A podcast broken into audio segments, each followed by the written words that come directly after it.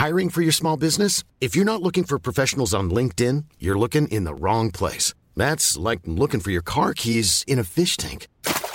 LinkedIn helps you hire professionals you can't find anywhere else, even those who aren't actively searching for a new job but might be open to the perfect role. In a given month, over 70% of LinkedIn users don't even visit other leading job sites. So start looking in the right place. With LinkedIn, you can hire professionals like a professional. Post your free job on linkedin.com slash people today. Hey, I'm Ryan Reynolds. Recently, I asked Mint Mobile's legal team if big wireless companies are allowed to raise prices due to inflation. They said yes. And then when I asked if raising prices technically violates those onerous two-year contracts, they said, what the f*** are you talking about, you insane Hollywood ass?" So to recap, we're cutting the price of Mint Unlimited from $30 a month to just $15 a month. Give it a try at mintmobile.com slash switch. $45 upfront for three months plus taxes and fees. Promo rate for new customers for limited time. Unlimited more than 40 gigabytes per month. Slows. Full terms at mintmobile.com. Everyone knows therapy is great for solving problems, but getting therapy has its own problems too, like finding the right therapist, fitting into their schedule, and of course, the cost. Well, BetterHelp can solve those problems. It's totally online and built around your schedule. It's surprisingly affordable too. Connect with a credentialed therapist by phone, video, or online chat, all from the comfort of your home. Visit betterhelp.com to learn more and save 10% on your first month. That's BetterHelp, H E L P.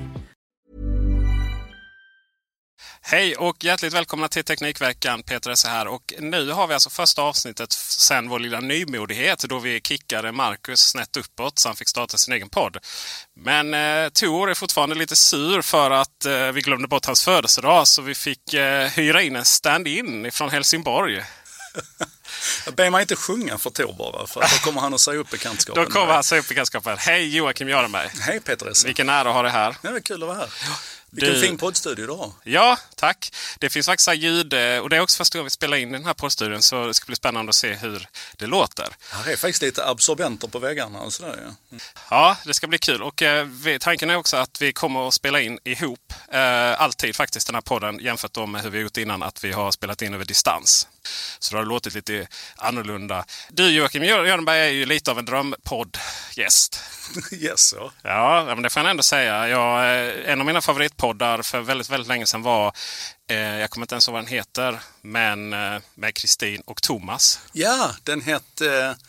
Ja, gud, vad hette den? Den hette What's Next. What's Next ja. Och det var ju egentligen, jag är helt övertygad att om, om, om den hade varit bestående fram till nu så hade det varit, alltså den hade varit gigantisk. Mm, Jag kommer aldrig att förlåta Thomas och Kristin för två saker.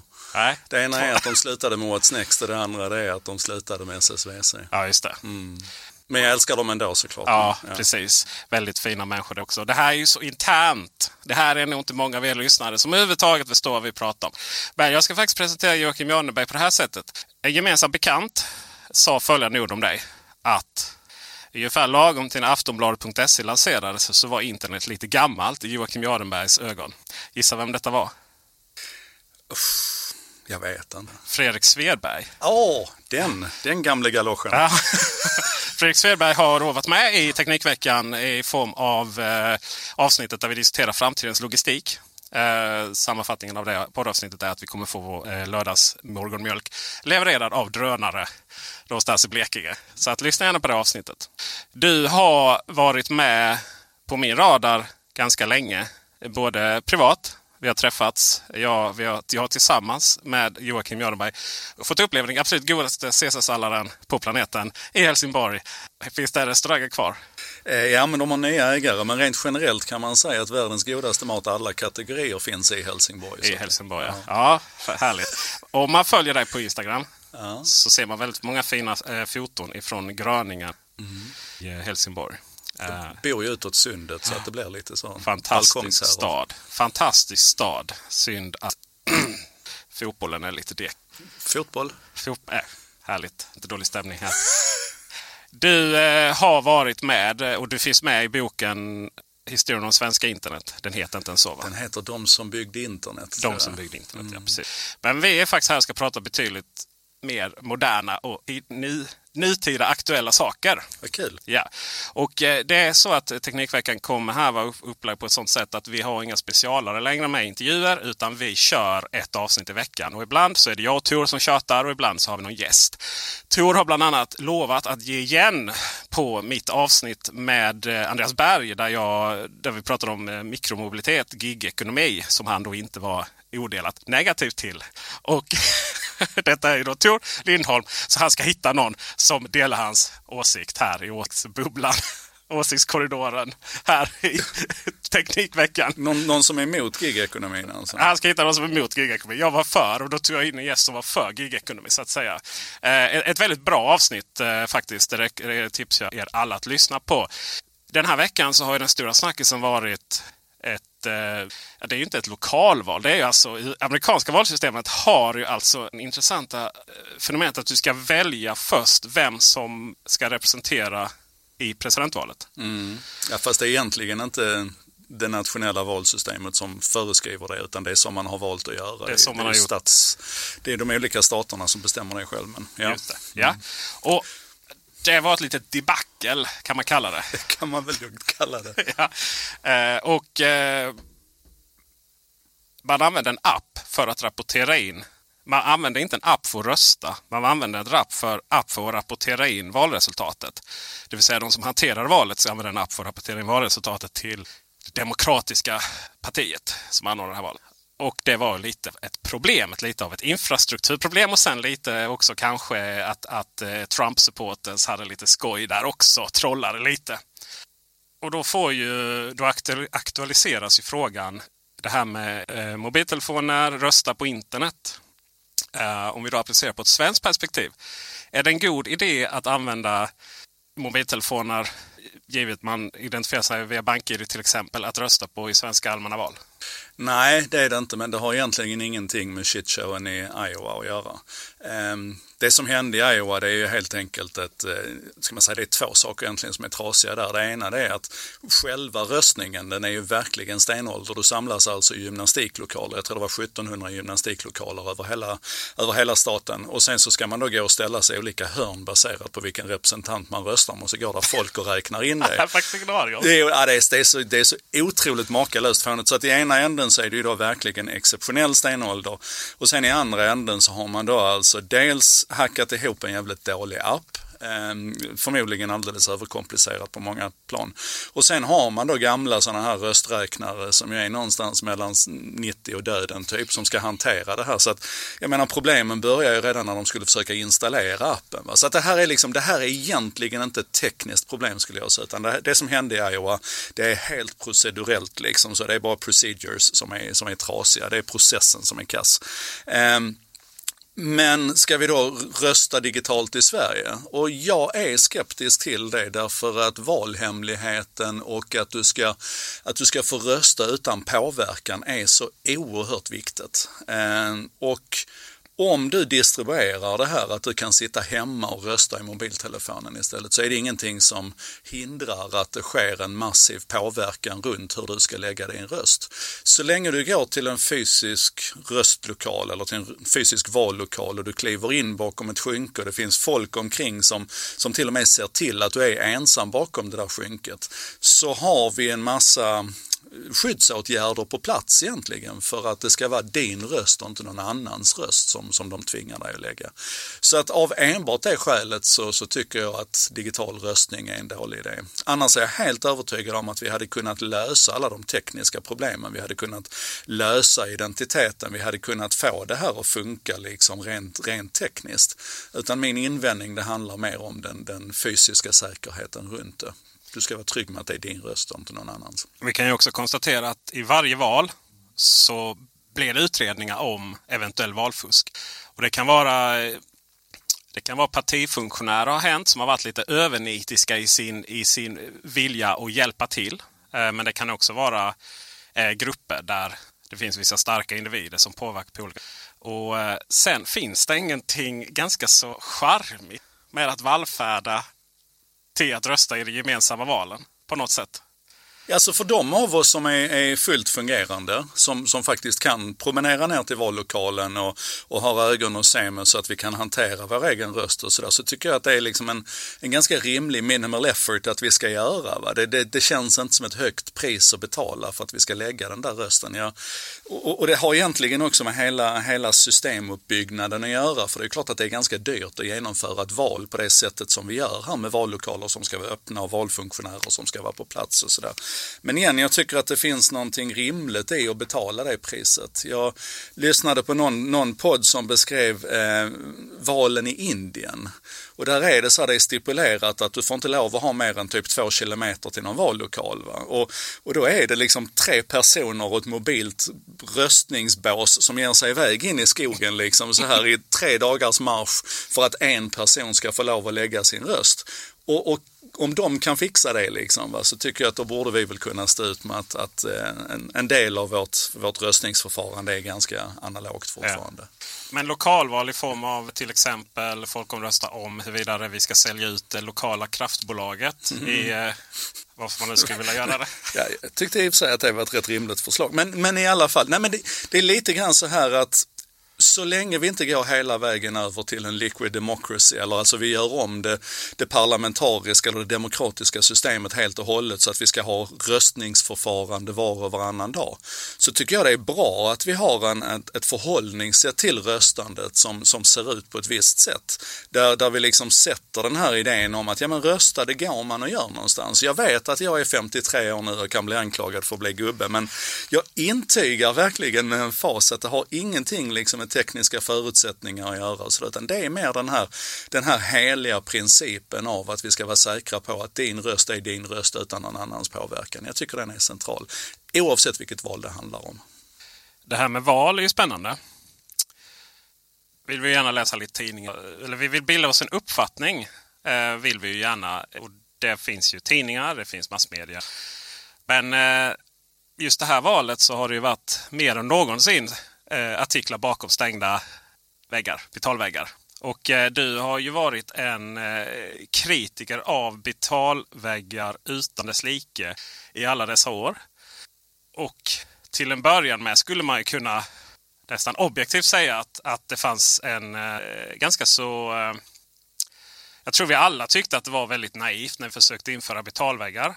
Men nu finns det tidningar och dess företrädare som att det är det här som har räddat och vi behöver väl inte, eh, vi behöver väl inte vara så anonyma vilka det är. DN är ju väldigt stolt över betalvägg. Och Aftonbladet Plus eh, bland annat har ju lyfts fram som ett bra exempel. Eh, och jag vill väl dock ge först och främst en känga till Aftonbladet. Att man kan inte både säga att det är viktigt att betala för innehåll och sen så eh, sätta allt som rör då får du bättre sexliv och så går du nytt bakom betalväg och översätta artiklar. Men om vi tar den andra tidningen DN Eh, så menar ju de på att de har råd att göra mer journalistik nu. Var är vi betalväggar i detta nu, Joakim Görenberg? Det finns så många aspekter på det. Eh, för det första så vill jag ju då hävda att juryn fortfarande är ute. Vi vet inte exakt vad det här innebär för att det är, det är svårt att hitta faktiska siffror. Det är svårt att få Peter Wolodarski att verkligen liksom bekräfta hur det ser ut med, med fullbetalande, med churn, med, med eh, kampanjryttare, med liksom hela effekten. Vad är en kampanjryttare? Kampanjryttare är sådana som, som tar de här eh, billiga erbjudandena. Du får det här i tre månader och, och sen när de tre månaderna har gått så blir du inte fullbetalande utan då går du till en annan tidning som erbjuder tre månader för 10 spänn och så håller du på så där. Och sen finns det så många aktörer idag så att du kan gå full circle liksom och komma tillbaka till, till nästa gratiskampanj så att säga hos DN va, ett år senare. Eh, och kampanjryttare är inget nytt. Det fanns redan på den gamla papperstidningstiden eh, eh och sådär så att det är inget nytt i sig. Men, men att man liksom, vi vet inte exakt hur, hur lojala de här prenumeranterna är. Vi vet inte hur mycket pengar det egentligen genererar. Vi vet inte hur mycket det kostar att generera de pengarna. Vi, vi vet inte hur, hur försäljningsorganisationen ser ut, hur mycket det ligger bakom. Men allt det där kan vi egentligen, hela den här ekonomiska aspekten aspekten, den kan vi lite grann lägga åt sidan för det är tidningarnas problem. Om de får ihop det här eller inte, det får lov att vara deras problem. Det jag tycker är det större problemet det är ju det är ju den demokratiska påverkan som det här har, både på kort sikt men, men också på lite längre sikt. På kort sikt så, så märker vi det tydligt för att de enda medier som är verkligt åtkomliga idag, det är ju alternativmedier. Liksom. Det, det, jag tycker att det är oroande när medier som, som tar väldigt mycket lättare på, på källkritik och, och de pressetiska reglerna och så vidare är de som är åtkomliga och sprids i sociala medier medan de medierna som, som vi då betraktar som bra medier som, som ägnar sig åt en sund journalistik hamnar bakom en betalvägg och vi kan uttryckligen se hur delningen minskar hela tiden. och så. Och det är ett, ett jätteproblem här och nu men det är också ett större problem över tid skulle jag tro därför att de gör sig själv irrelevanta. Alltså de medier som sätter upp en betalvägg idag, de kommer inte att bli lika omdiskuterade, de blir inte lika delade. De, de, de tappar egentligen det som är tidningens två absolut viktigaste komponenter, relevansen och relationen. Och de två hänger ihop.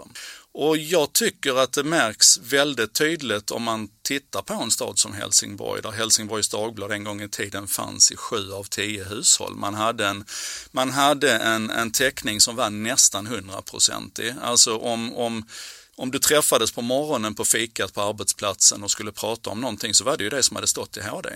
Och här finns en väldigt tydlig brytpunkt när så få har tidningen eller så få har åtkomst till det materialet att det är inte längre de som sätter den lokala agendan, det är inte längre de som bestämmer vad man ska prata om.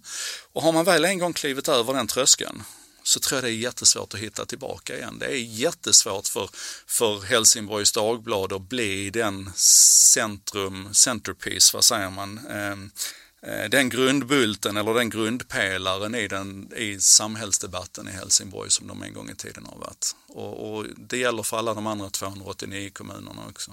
Det är ju intressant det här med tidningar och bygg, byggnader. Här i Malmö, Sydsvenskan-huset. På Krusegatan. Uh, ja, det var det här höga. Ja. Hus 1 Yes. heter ju det numera. Mm. Uh, det här stora, stora kolossen. Och sen var tryckeriet någon annans. GP, Göteborgs-Posten, har ju sålt sitt mastodontbygge. HD sitter de kvar ute. Nej då, de har flyttat. De har flyttat. Det är verkligen en svunnen tid, det får man ju säga. Och det kanske också, igen, nu ska, vi inte, nu ska vi inte prata tidningarnas ekonomi för det gör de väl bättre själv. Men när man då säger att vi har råd att göra mer journalistik idag än vad vi hade tidigare. Det har ju nog väldigt mycket att göra med den bantade kostymen också. Jag menar, när Sydsvenskan var som störst så hade man hela Krusegatan.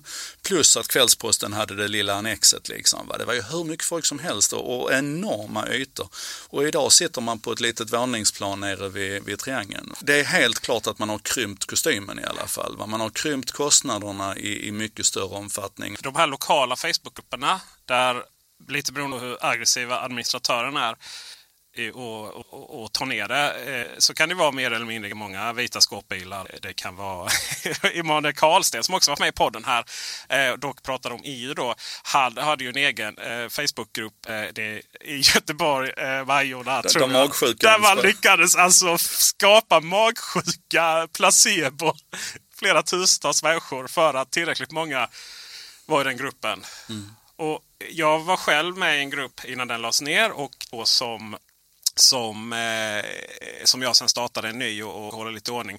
Och där blev det ju lynch, alltså lynch, inte lynchmobbstämning utan man åkte alltså ut och skulle, ja, man var ju rätt kaxig med orden då. Jag tror inte man hade fått sätta livet till där. Eh, och sen så skrev ju då Sportbladet om detta med ett citat från att eh, det här var inte en person efter folks barn då utan det var en person som hade en funktion helt eh, oförarglig. Och då var ju kommentarerna, ja vad var det vi sa? Polis och media mörkar. Och, är, är det här ett resultat av det eller, eller har, har de här grejerna med varandra att göra? Den minskade media koncentrationen snarare. Då. Ehm, och sen så blir det liksom High Chaparral i lokala Facebookgrupper. Jag tror att det är många faktorer som, som samverkar. Det ena naturligtvis de, de möjligheter som har uppstått i och med att folk, vilket i grunden är bra, kan prata mer med varandra. Alltså det, är ofiltrerat prata med varandra. I grunden är det bra men det är klart att det också kan födas liksom sämre element där. Eh, eller sämre eh, funktioner eller sämre effekter ska jag säga. Men, men det är klart att å andra sidan är det ju också det som har försvunnit, alltså det som i någon mån lämnar ett vakuum efter sig.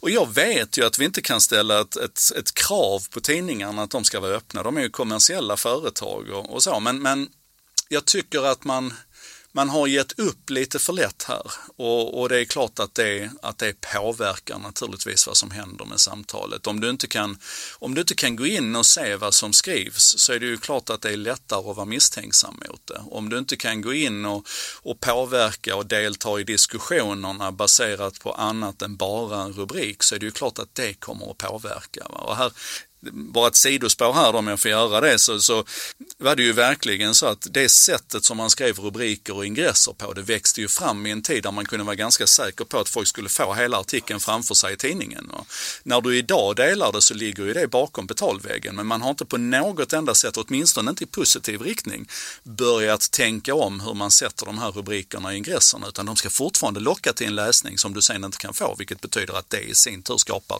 väldigt starka känslor och, och det drar iväg.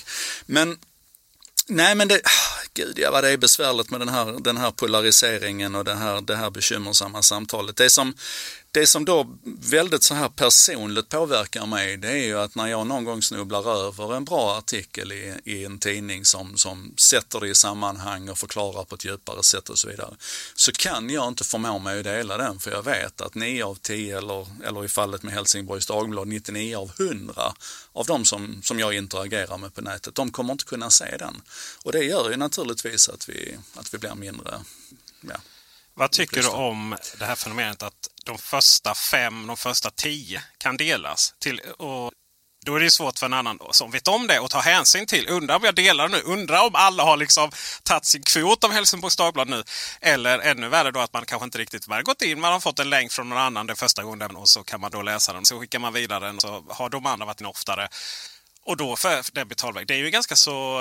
Det är ju nästan att det är nästan någon form av bedrägeri i, i liten form. Eh, för det utger sig för att vara någonting det inte är. Det finns så många bedrägerier i det här och så mycket som är problematiskt. Alltså de här dynamiska betalväggarna som, som medierna är så glada för och som man tycker har varit en sån framgång.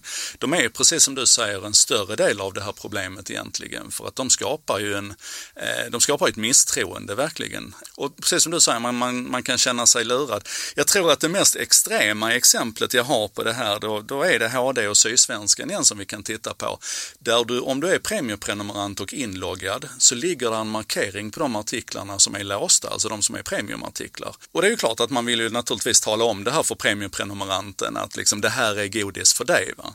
Men om du inte är inloggad, så har man tagit bort den där premiummarkeringen så att folk ska liksom blindklicka. Va? Och, och, och, och, jag har haft en lång diskussion, det var på den tiden Thomas de Sousa fortfarande jobbade på Sydsvenskan, haft en lång diskussion med honom och då försökte han veckla in sig i någon slags förklaring att det där var av tekniska skäl och man hade inte haft tid att utveckla det på något annat sätt. Men jag menar, man, alltså det, det, för alla som Han har... var så lojal mot sin arbetsgivare. ja. En väldigt klok människa. Detta är som, som ju bland annat startade Good Old. Ja, absolut absolut. Jag menar, jag har den djupaste respekt för Thomas och vi har, vi har haft mycket, gjort mycket skoj tillsammans. Men, men det är någonting som händer när medierna ska försöka argumentera för, för det sättet man agerar på. Va? Då, då blir det trasigt. Och, och det är verkligen så, en sån funktion som den. Det finns ingen som helst godtagbar eh, teknisk förklaring till att det ska funka på det viset. Utan det är bara ett sätt att lura ja, folk till blindklick. Ja. Har man ju lagt dit. Vi måste ju prata om vad man ska göra istället. Ja, såklart. Ja, ja. Du, tänker, du tänker att det finns en lösning? Ja, det finns en lösning. Ja, det vad finns... spännande. Det hade inte jag satt med som en, det hade inte jag satt med på liksom agendan. Lösningen Nej, det, på det här. Jag tror faktiskt, och det, och det finns en lösning som åtminstone hade varit värd att prova i, i, på fler håll än där vi har sett det ske. Och det är ju Guardian-modellen. Där du alltså, du kan vara prenumerant naturligtvis, men du kan också vara supporter. De har ett, ett Patreon-chip där, du kan, där du kan säga att jag gillar det ni gör. Jag tycker det är jättebra. Här har ni 15 pund i månaden från mig. Och som motlöfte då så lovar de att artiklarna är öppna. Alltså allting på The Guardian är öppet för alla att läsa. Och de har ju, det har ju varit väldigt många ögon på hur ska det här gå egentligen. Va? Men faktum är att de har ju börjat visa svarta siffror nu va? för första gången i mannaminne för Guardian egentligen. Och, och, och, så säger man då, ja men det där skalar ju inte neråt för att du måste vara en stor global liberal tidning liksom för att du ska få det stödet. Men det är ju egentligen exakt samma problem som med betalväggarna. Och för min del så är det helt uppenbart att om HD hade varit öppen och jag hade kunnat känna att genom att stötta dem så stöttar jag det demokratiska samtalet. Jag ser till att fler får tillgång till det här materialet. Då hade jag gärna betalat 10 prenumerationsavgifter för att veta att det här materialet... Jag tror egentligen att den här skalbarheten, en sån modell som bygger på att du betalar mer med hjärtat och du betalar mer för att liksom fler ska få ta del av det här och du ska få vara en good guy som delar det här snarare än den rent egoistiska, jag måste komma åt detta för jag behöver se vad de skriver om mig, typ. Jag tror att den modellen skalar mer ner i det lilla än vad betalväggen gör. För betalväggen blir lite grann så att ju färre som, som betalar, ju mindre intressant är det för, för någon att betala. Men en Guardian-modell skulle kunna innebära att man liksom hjälps åt och, och bär, lite grann som att folk eh, sponsrar det lokala fotbollslaget, om det nu är fotboll du är inne på. Så här, Det gör man ju egentligen för man tror att man har massiv payback på det, utan du gör det ju för att du tycker att det är kul med fotboll, du vill stötta dem, du får kanske komma på någon nätverksträff eller någonting. Tänk den lokala tidningen som hade tagit det här på allvar och bjudit in till att liksom men ingen har testat det. Ingen i Sverige har testat det. Jag fattar inte vad det är för fel på dem. Vad, vad kul att du sa det. Jag ska faktiskt ta upp den modellen i slutet fast ur ett helt eget individuellt... Vad heter det? Mitt behov och Teknikveckan. Så ah, var, är det Patreon kanske? Det är kanske Patreon. uh, så. Men uh, det, det, är lite roligt att uh, du, du också nämner det här med varför man betalar för. Jag betalar för Sydsvenskan. Jag läser väldigt sällan Sydsvenskan numera. Eh, har inte riktigt den, sitta och scrolla igenom eh, tiden så på det sättet. Eh, men jag betalar för Sydsvenskan av två anledningar. Dels så tycker jag det är viktigt ett, en rapportering om Malmöområdet. Lokalpatriot som jag är. Och sen också så tycker jag, jag har lärt känna så många människor på Sydsvenskan genom åren. Nu Thomas Sousa har slutat, men många andra. Och, och jag, jag, jag, tycker det är respekt. Eh, jag vill ge min respekt till dem och deras jobb och betala. Eh, så, så jag använder inte betalvägar, och börjar betala ändå. Och, och det kanske det, det, kan ni göra vad ni vill med den informationen ni, om någon jobbar på Sydsvenskan. Men det, det finns nog som du säger Joakim en tanke om att betala för sig av andra anledningar än att man måste. Hade du varit mer eller mindre positiv till att betala för Sydsvenskan om du hade vetat att du dessutom då medverkade till att deras artiklar kunde läsas av alla? Ja, men det är klart. Framförallt så hade det varit en praktisk anledning för att jag hade kunnat ta Sydsvenskan artiklar och, och dela. Vilket betyder att Sydsvenskan hade fått fler besökare. Eh, vilket då hade genererat annonsintäkter som man någonstans får hoppas är en del av betalmodellen för en tidning. Har det ju trots allt varit i hundra år. Och vill man hitta något mellanläge här så kan man ju titta på vad Thomas Bäckdahl gör till exempel, den här medieanalytikern som, som ligger på bäckdahl.com jag är inte helt vän av den modellen, men han gör ju så att alla som prenumererar på hans tjänst har ju en unik länk på varje artikel. Så att om jag delar den så är den öppen för alla i all tid. Liksom. Så vi får inte lov att förstöra internet genom länkar som blir trasiga och där liksom förutsättningen bakom länken förändras över tid och sådär. Men jag kan någonstans ändå acceptera hans lösning. Han är en liten spelare, va? Han, han utforskar det här. Men då får jag i alla fall den förmånen att genom att jag betalar så kan jag också dela hans artiklar till alla som följer mig mig och de kan läsa den.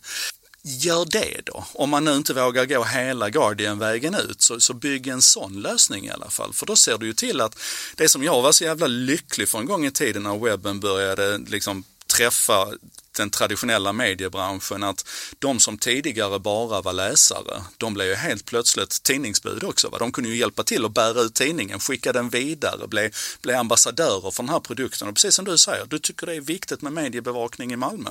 Men vad fan, utnyttja den kraften liksom. Va? Men det, ja, så att jag, jag, jag är ledsen över att man inte utforskar andra modeller. För nu har man hittat den här, och det är ju verkligen så, förlåt men betalväggen är ju verkligen drömmen om att skruva tillbaka klockan. Va? Det är ju liksom, nej men innehåll ska kosta. Ja men det är väl klart att de som producerar och skapar innehåll ska, ska ha betalt. Men det är ju ingen, ingen självklarhet att det är den som, som, som läser det som ska betala. Va? Det är, jag vet att det är svårt att jämföra den svenska mediebranschen med teknikföretag som Facebook och Google för det finns skalskillnader och sådär. Men men principiellt, jag menar det är ju inte så att de som sitter och kodar på Facebook gör det gratis. De har tvärtom jävligt bra betalt. För Facebook har löst modellen i andra änden. Och där känner jag att där har liksom den svenska mediebranschen kapitulerat helt och hållet och det gör mig fruktansvärt ledsen. Hey, I'm Ryan Reynolds. At Mint Mobile, we like to do the opposite of what Big Wireless does. They charge you a lot, we charge you a little. So naturally, when they announced they'd be raising their prices due to inflation, we decided to deflate our prices due to not hating you. That's right. We're cutting the price of Mint Unlimited from $30 a month to just $15 a month. Give it a try at mintmobile.com slash switch. $45 upfront for three months plus taxes and fees. Promo for new customers for limited time. Unlimited more than 40 gigabytes per month. Slows. Full terms at mintmobile.com. I'm Sandra, and I'm just the professional your small business was looking for. But you didn't hire me because you didn't use LinkedIn jobs. LinkedIn has professionals you can't find anywhere else, including those who aren't actively looking for a new job but might be open to the perfect role, like me. In a given month, over 70% of LinkedIn users don't visit other leading job sites. So if you're not looking on LinkedIn, you'll miss out on great candidates like Sandra. Start hiring professionals like a professional. Post your free job on linkedin.com/people slash people today. Burrow is a furniture company known for timeless design and thoughtful construction and free shipping, and that extends to their outdoor collection. Their outdoor furniture is built to withstand the elements, featuring rust-proof stainless steel hardware, weather-ready teak, and quick-dry foam cushions.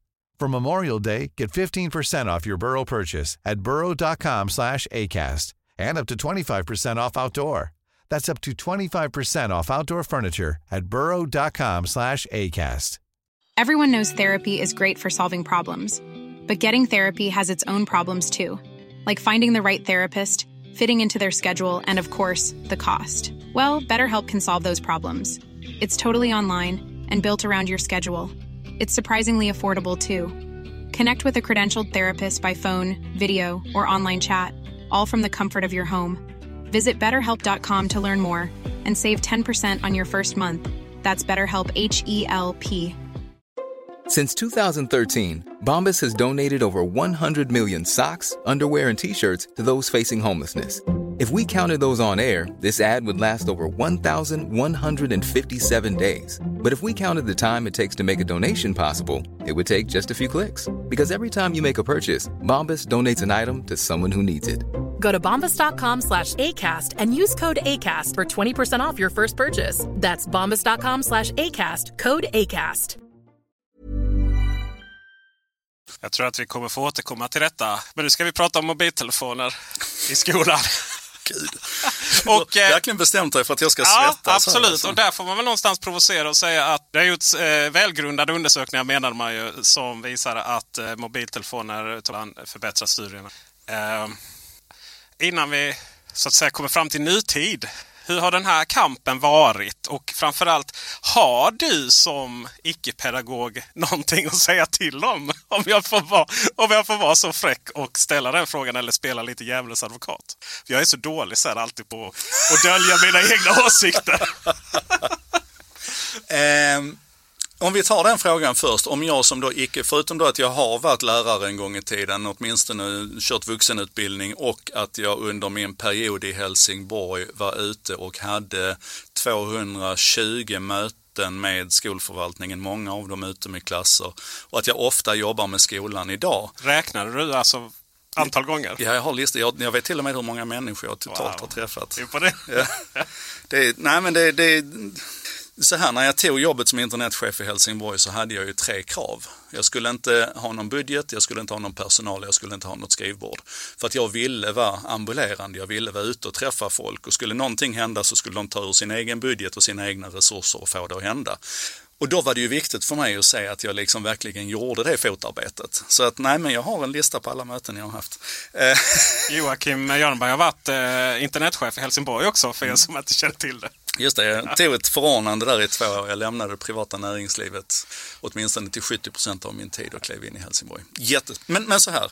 Ehm, jag tycker inte att det är relevant för att verksamhetsutveckling är verksamhetsutveckling. Jag tror inte att den som, den som har fyllt upp med att stå hela dagen i klassrummet och, och managera den världen som, som de har att hantera.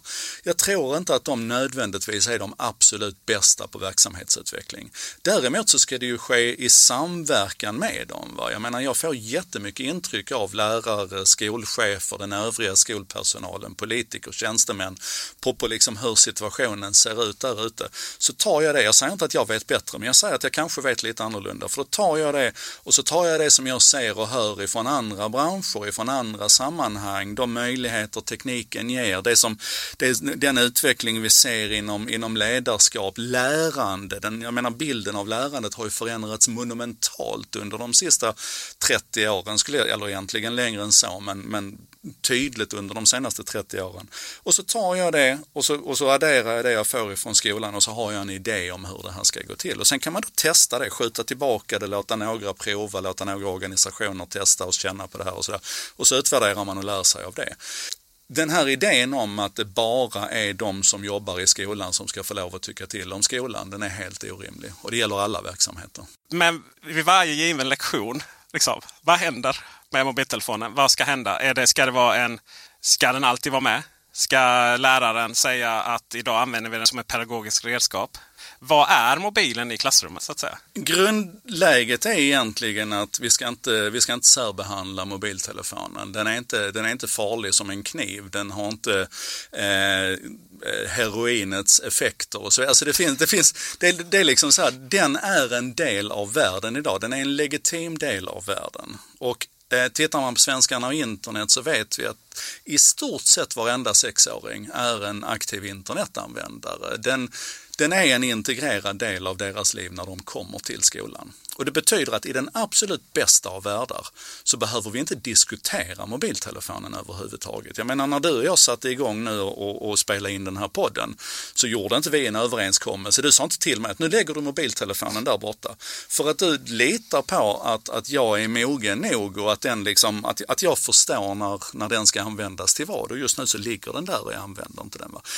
Det är den ideala världen.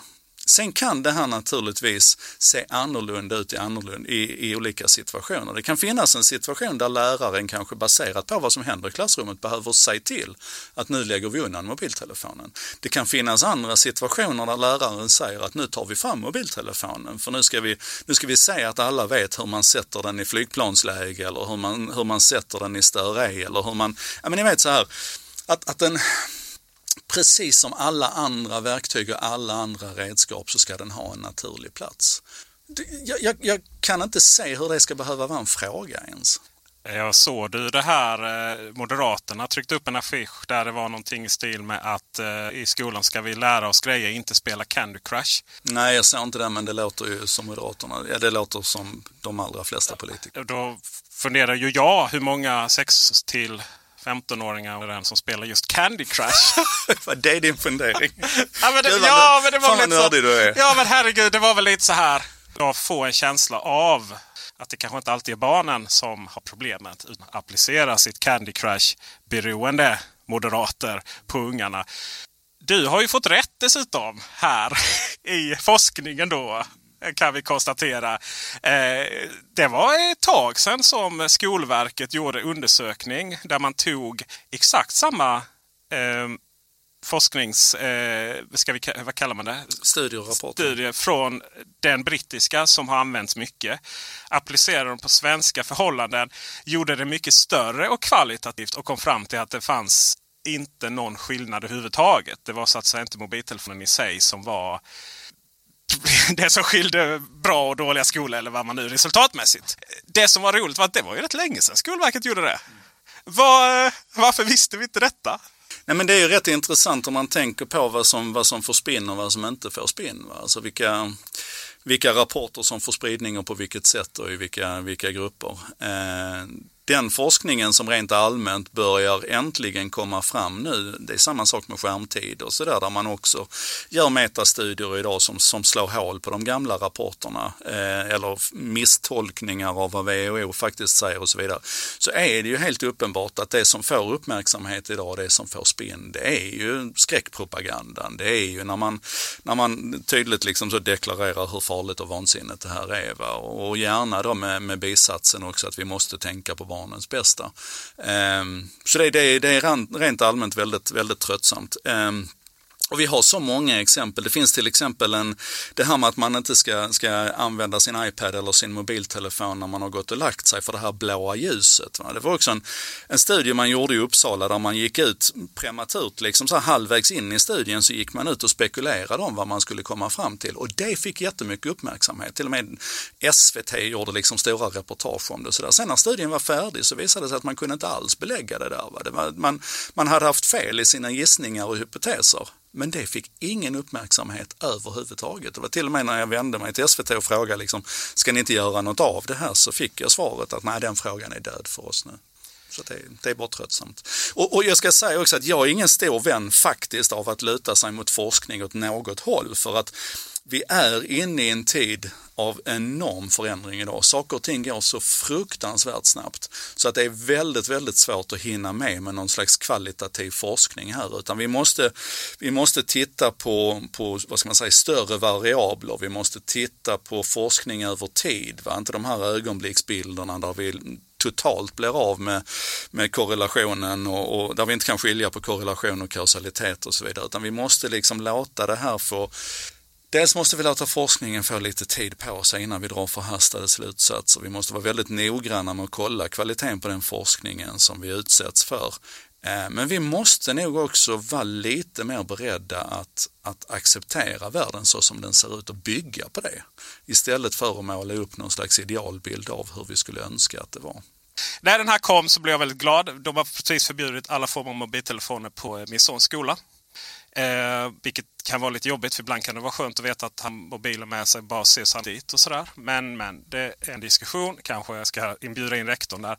Jag delade en egenskriven artikel som heter Mobilförbud i skolan ger inte bättre resultat. Och här har vi då en känd teknik skriver då den första kommentaren. Nej visst, säger du. När eleverna sitter och facebookar istället för att höra på läraren så lär de sig så mycket mera. Det är väl självklart. Youtube-kunskap är mycket värdefullare än tråkiga skolböcker. Mm. och Det är kanske inte så att du ska förklara här nu varför Youtube-kunskap är tråkiga skolböcker. Utan vad jag är lite intresserad av just i den här kommentaren är varför man totalt förnekar då den här kunskapen. Vad är det som gör att man känner sig nästan det här var ju väldigt näsvis kommentar. Väldigt, väldigt så här raljerande. raljerande. Mm. Eh, det finns någon form av känsla av att man här tappar någon form av verklighetsbegrepp och går till angrepp. Varför är det här en så känslig fråga i just i det sammanhanget så att den personen, han är äldre än dig dessutom? Jag tror inte att åldern eh, i passet är det som avgör, men det finns en slags mental ålder i väldigt många sådana här frågor där där många stelnar. Alltså det låter hemskt men man, man stelnar lite grann och på ganska många områden så, så har man bilden av hur det var när man själv var ung som någon slags idealbild. Och då är det ju klart att, att när den här personen var ung och gick i skolan så fanns det inga mobiltelefoner utan den bilden som han har av hur det är att vara ung och ha en mobiltelefon den är ju dels skapad av förmodligen ett selektivt urval av forskningsrapporter och, och studier och det han tycker sig själv se runt omkring. Men han har ju egentligen varken någon, någon grundad uppfattning av det och vad värre är ingen seriös nyfikenhet på hur det faktiskt är och hur det förhåller sig. Och det är så mycket som är, är trasigt i en sån här kommentar. Jag menar det ena det är ju idén om att, att elever ska sitta passiva och lyssna på läraren det, det, är ju långt ifrån säkert att det är det som är idealbilden. Det andra det är att om du inte har Facebook och mobiltelefonen i handen så lyssnar du automatiskt på vad läraren säger. Det är också en helt bizarr uppfattning om hur människor funkar. Och det tredje det är ju det här ständiga klankandet på kunskap och information och, och, och ehm, eh, alltså det du kan få till dig från de nya kanalerna. Jag menar Youtube är en sån källa till fantastiskt djup kunskap som du inte kan hitta hitta någon annanstans. Så varför ens ställa det mot läroböckerna? För att inte tala om att femåringar kan flyta engelska visst. Och det kom ju en del sådana fina vittnesmål i den här tråden också på, på, på andra individer som förmodligen är ungefär lika gamla som den här personen men som går in då på ett nyfiket och reflekterande sätt och har tittat på hur deras barns utveckling har sett ut. Och är fascinerade över att de kommer som femåringar och redan kan engelska för det har de, det har de lärt sig själva. Jag har exempel på kompisar där, där ungarna helt plötsligt kommer att prata japanska för då var det någon, någon serie någonstans som liksom hade fått snurr i deras gäng där den var japansk då. Och, och, och, och alltså vi Ja, oh, gud vad frustrerad jag blev. Oj, det kommer bli ännu mer frustrerad. Jag ska ja. En liten anekdot själv då. Det är ju så här att eh, du vet plus, vad är det, minus minus blir plus och sådär. Så, så jag då som är långt ifrån perfekt på något sätt eller ens särskilt duktig i skolan och sen eh, min fru då som har sina eh, intressanta issues som så många människor. Vi fick en litet unge då som, som inte ärvde några av våra svagheter. och hittade, pus, hittade liksom eh, hittade eh, eh, bara styrkor. Och, och han eh, lyckas bli både innebandykille och fotbollskille. Och det är så fascinerande hur mycket Youtube-kanaler det finns om just de grejerna. Om liksom så här lokala innebandylag i innersta Dalarna som har sin egen Youtube-kanal. Och den här stjärnan då visar olika passningar. Och hur man dribblar. Och, och, alltså den kunskapen är ju helt fascinerad. Och så många som tittar. Man ser det prenumeranter. Liksom. Och, och, det är så kul. Och, och även liksom eh, fotboll. Sitter och liksom tittar hela kvällar på de finaste målen. De konstigaste målen och sådär. Det, det, är, det, det är verkligen eh, kul att se just hur mitt, mitt barn har lyckats bli det här som, eh, som vi ofta pratar om då. Liksom, att man tar till sig den här nya kunskapen men man är ändå aktiv och social och sådär. Och, och, och, det som slog mig själv en gång i tiden var att jag tänkte så här att jag hade nog haft svårt att ha tillgång till så mycket. Eh, jag, jag, levde under ganska lång tid att jag tänkte jag kom, hade ganska, skulle haft svårt i skolan med tillgång till den här, all den här utrustningen. Så samtidigt slog det mig, jag hade ju inte tillgång till den här utrustningen. Jag hade ganska svårt i skolan och eh, jag minns ju också hur jag satt och alltid, när jag alltid hade papper. Jag har ju någon form av eh, koncentrationssvårighet. Gjorde jag fyrkanter och så satt jag och ritade fyrkanter. Så det blev bara stora, eh, stora liksom mönster av fyrkanter utan att lyssna på läraren. Så, så, på så sätt så är det ju, eh, eh, eh handlar det ju inte särskilt mycket om verktyget kanske utan att det, det var mig det var fel på helt enkelt. Och jag, min övertygelse är utifrån många, många goda exempel jag har sett, det är att om man om man förmår liksom att hjälpa det här barnet som har till exempel koncentrationssvårigheter att använda det här verktyget på rätt sätt så landar vi på ett, ett, ett nettoplus. Liksom. Det är, det är så lustigt i diskussionen och debatten att man bara tar fasta på det man upplever som negativa, alltså det som när man spekulerar runt det negativa. Istället för att konstatera att gör vi det här rätt så är ju det här ett fantastiskt verktyg. Och det är det man kan se i många av de tidiga studierna som gjordes också där man såg sämre resultat med IT i skolan. Det var ju att man förändrade ju ingenting i processen i övrigt utan man kastade bara in datorer eller paddor i klassrummen och så gjorde man allting annat precis precis på samma sätt som man alltid har gjort. Och då är det ju inte speciellt konstigt kanske att, att att det, att det stökar till det, va? att det blir besvärligt för vissa, kanske inte minst för läraren som kanske själv inte är så, så van vid de här verktygen. Och det finns en, en eh, en bred studie som heter Skriva till lärande som är gjord av, jag vet inte om det är SKL, det är något universitet, eh, Annika Ageli har varit inblandad i det i alla fall. Där man hade tre stycken grupper där den ena gruppen fick bedriva sin svenska undervisning precis på samma sätt som man alltid har gjort. Eh, den andra gruppen de eh, fick bedriva utbildningen som vanligt fast man kastade in teknik i klassrummet också. Och den tredje gruppen där gjorde man om helt och hållet hur man arbetar med, med de här övningarna och hur man arbetade med utbildningen överhuvudtaget. Och där var det helt glasklart. Du såg absolut bäst resultat i den gruppen där man verkligen gick in och jobbade med pedagogiken och didaktiken och liksom stuvade om hur man, hur man jobbade med svenska i skolan. Det gick näst bäst för den gruppen som gjorde som man alltid har gjort och det gick givetvis sämst för den gruppen där man bara kastade in teknik men gjorde allting. Alltså, det, det är så självklart när man tänker på det och då, då, då blir det igen en sån här frustration över att man inte, att man inte tar det här på allvar och, och letar möjligheterna istället för att fokusera på problemen.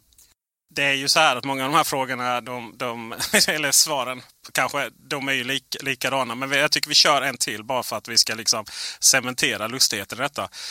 Av förståeliga skäl finns det ett förbud att använda mobiltelefon vid bilkörning. Tror ingen tvivlar på det. På exakt samma sätt påverkar det elevens förmåga att fokusera på vad läraren säger. Eh, en annan aspekt i det hela handlar om respekt mot läraren.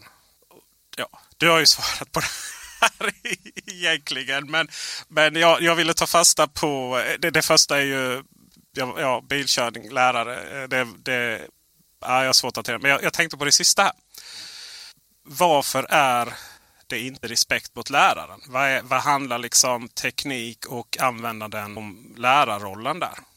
Alltså, det, det, konstiga här är ju att man någonstans säger också att skolan är till för läraren i första hand. Alltså det, det, det blir en eh, det blir ett perspektiv som jag aldrig någonsin kommer att, kunna skriva under på. Eh, skolan finns, det är klart att eftersom det är en arbetsplats så måste man ju se till att arbeta med, med schyssta arbetsförhållanden och att allting annat ska vara på plats liksom för den som, den som jobbar i skolan.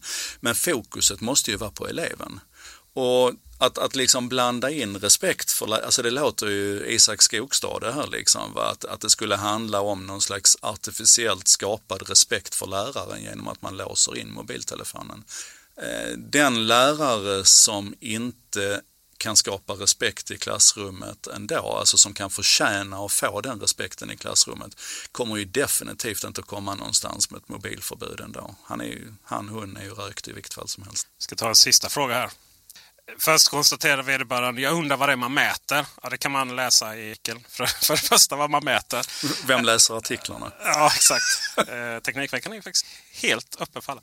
Jämförelsen är extrem, men syftar, bara på att lyfta, eh, men syftar bara till att lyfta på en sten. Om man låter narkomaner köra bil påverkade respek respektive svår abstinens så är det kanske så att de kör bättre, mindre, eh, inom, inom parentes, mindre dåligt om de är påverkade. Det betyder knappast att det är bra för bilkörningen att vara påverkad. Eh, don't do drugs kids, säger vi här.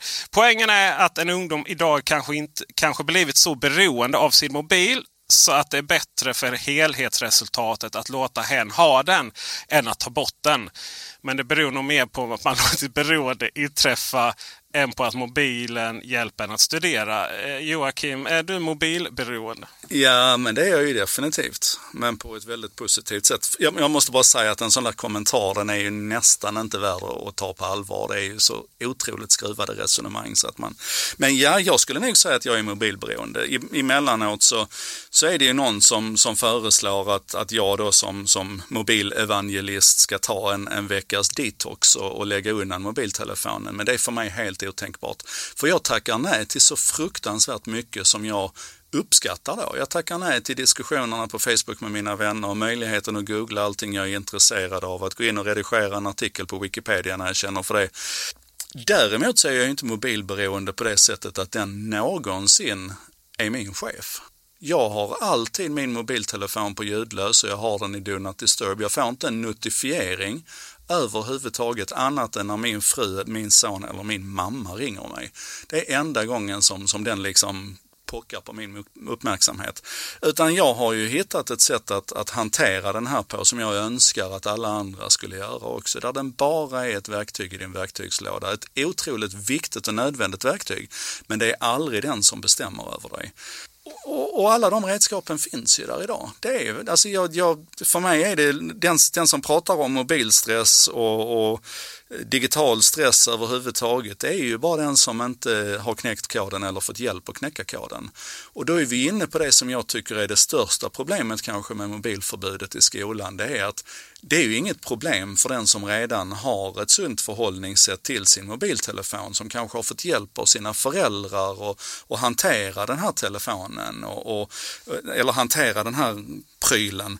Men det är ju ett jätteproblem för den som inte har gjort det, alltså för den som har ett problem så gör ju skolan ingenting för att lösa det problemet genom att plocka bort den. Det är jag tycker det är det största sveket vi kan tänka oss.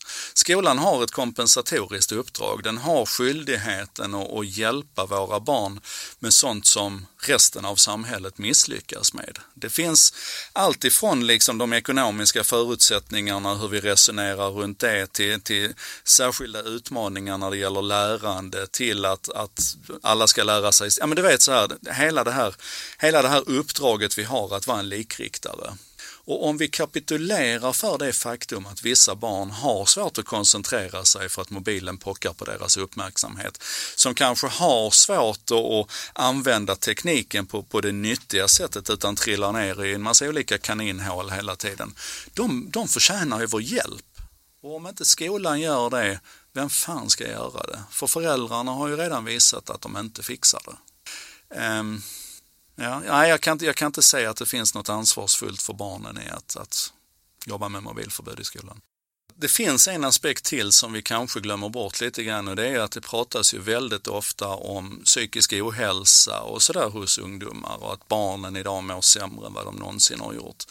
Och jag tror att vi väl snart är förbi det här att man pekar finger på digitaliseringen och skyller på den, för det finns ju liksom inga kurvor som, som överensstämmer. Det finns, ingen, det finns ingen rim och reson i det resonemanget, utan man har väl börjat konstatera att med, med klimatkrisen, med, med Trump, med det faktum att du vet att du inte kommer kunna flytta hemifrån när du är färdig i skolan. Alltså det finns så mycket i samhället idag som gör det jobbigt att vara barn och vara ung.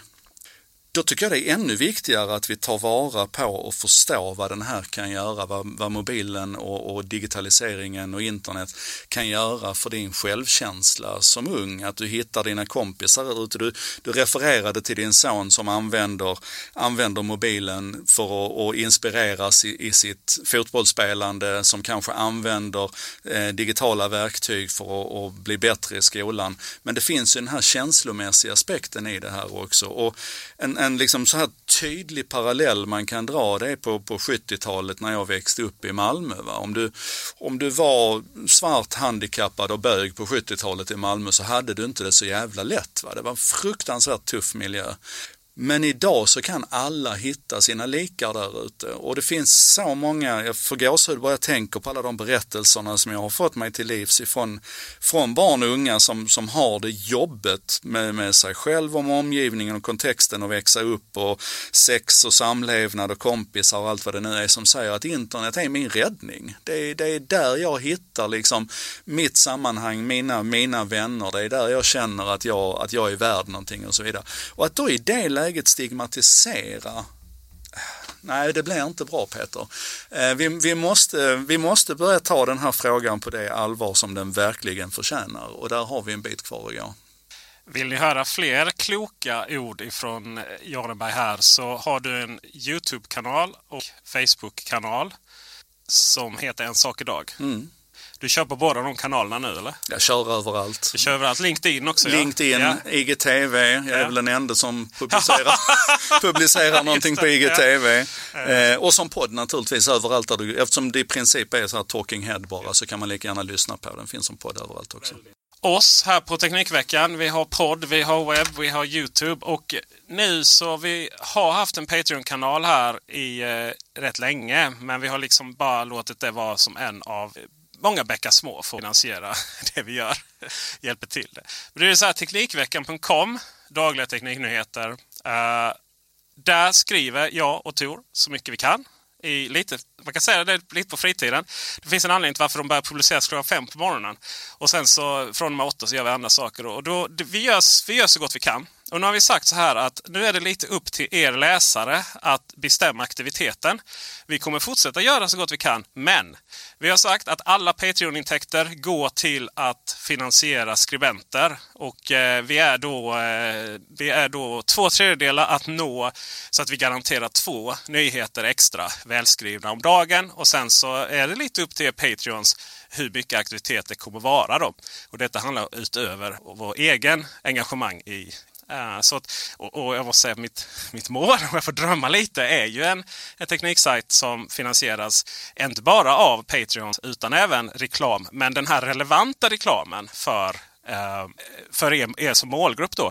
Så att man aldrig behöver hålla på med sådana här eh, extra fillers och så. Liksom. Utan det är så här, teknikreklam, det som påverkar er positivt. Det är ju målet då. Så får vi se var vi hamnar tillsammans. Tack! Tack, vad fint det lät på något vis. Imagine the softest sheets you've ever felt. Now imagine them getting even softer over time. That's what you'll feel with Bowl and Branch's organic cotton sheets. In a recent customer survey, 96% replied that Bowl and Branch sheets get softer with every wash. Start getting your best night's sleep in these sheets that get softer and softer for years to come. Try their sheets with a 30-night guarantee. Plus, get 15% off your first order at bowlandbranch.com. Code BUTTERY. Exclusions apply. See site for details. Planning for your next trip? Elevate your travel style with Quince. Quince has all the jet-setting essentials you'll want for your next getaway, like European linen, premium luggage options, buttery soft Italian leather bags, and so much more. And is all priced at 50 to 80% less than similar brands. Plus, Quince only works with factories that use safe and ethical manufacturing practices. Pack your bags with high-quality essentials you'll be wearing for vacations to come with Quince. Go to quince.com slash pack for free shipping and 365-day returns. As humans, we're naturally driven by the search for better. But when it comes to hiring, the best way to search for a candidate isn't to search at all. Don't search, match with Indeed. When I was looking to hire someone, it was so slow and overwhelming. I wish I had used Indeed. If you need to hire, you need Indeed. Indeed is your matching and hiring platform with over 350 million global monthly visitors, according to Indeed data, and a matching engine that helps you find quality candidates fast. Ditch the busy work. Use Indeed for scheduling, screening, and messaging so you can connect with candidates faster. And Indeed doesn't just help you hire faster. 93% of employers agree Indeed delivers the highest quality matches compared to other job sites, according to a recent Indeed survey. And listeners of this show will get a $75 sponsored job credit to get your jobs more visibility at Indeed.com slash podcast. That's Indeed.com slash podcast. Terms and conditions apply.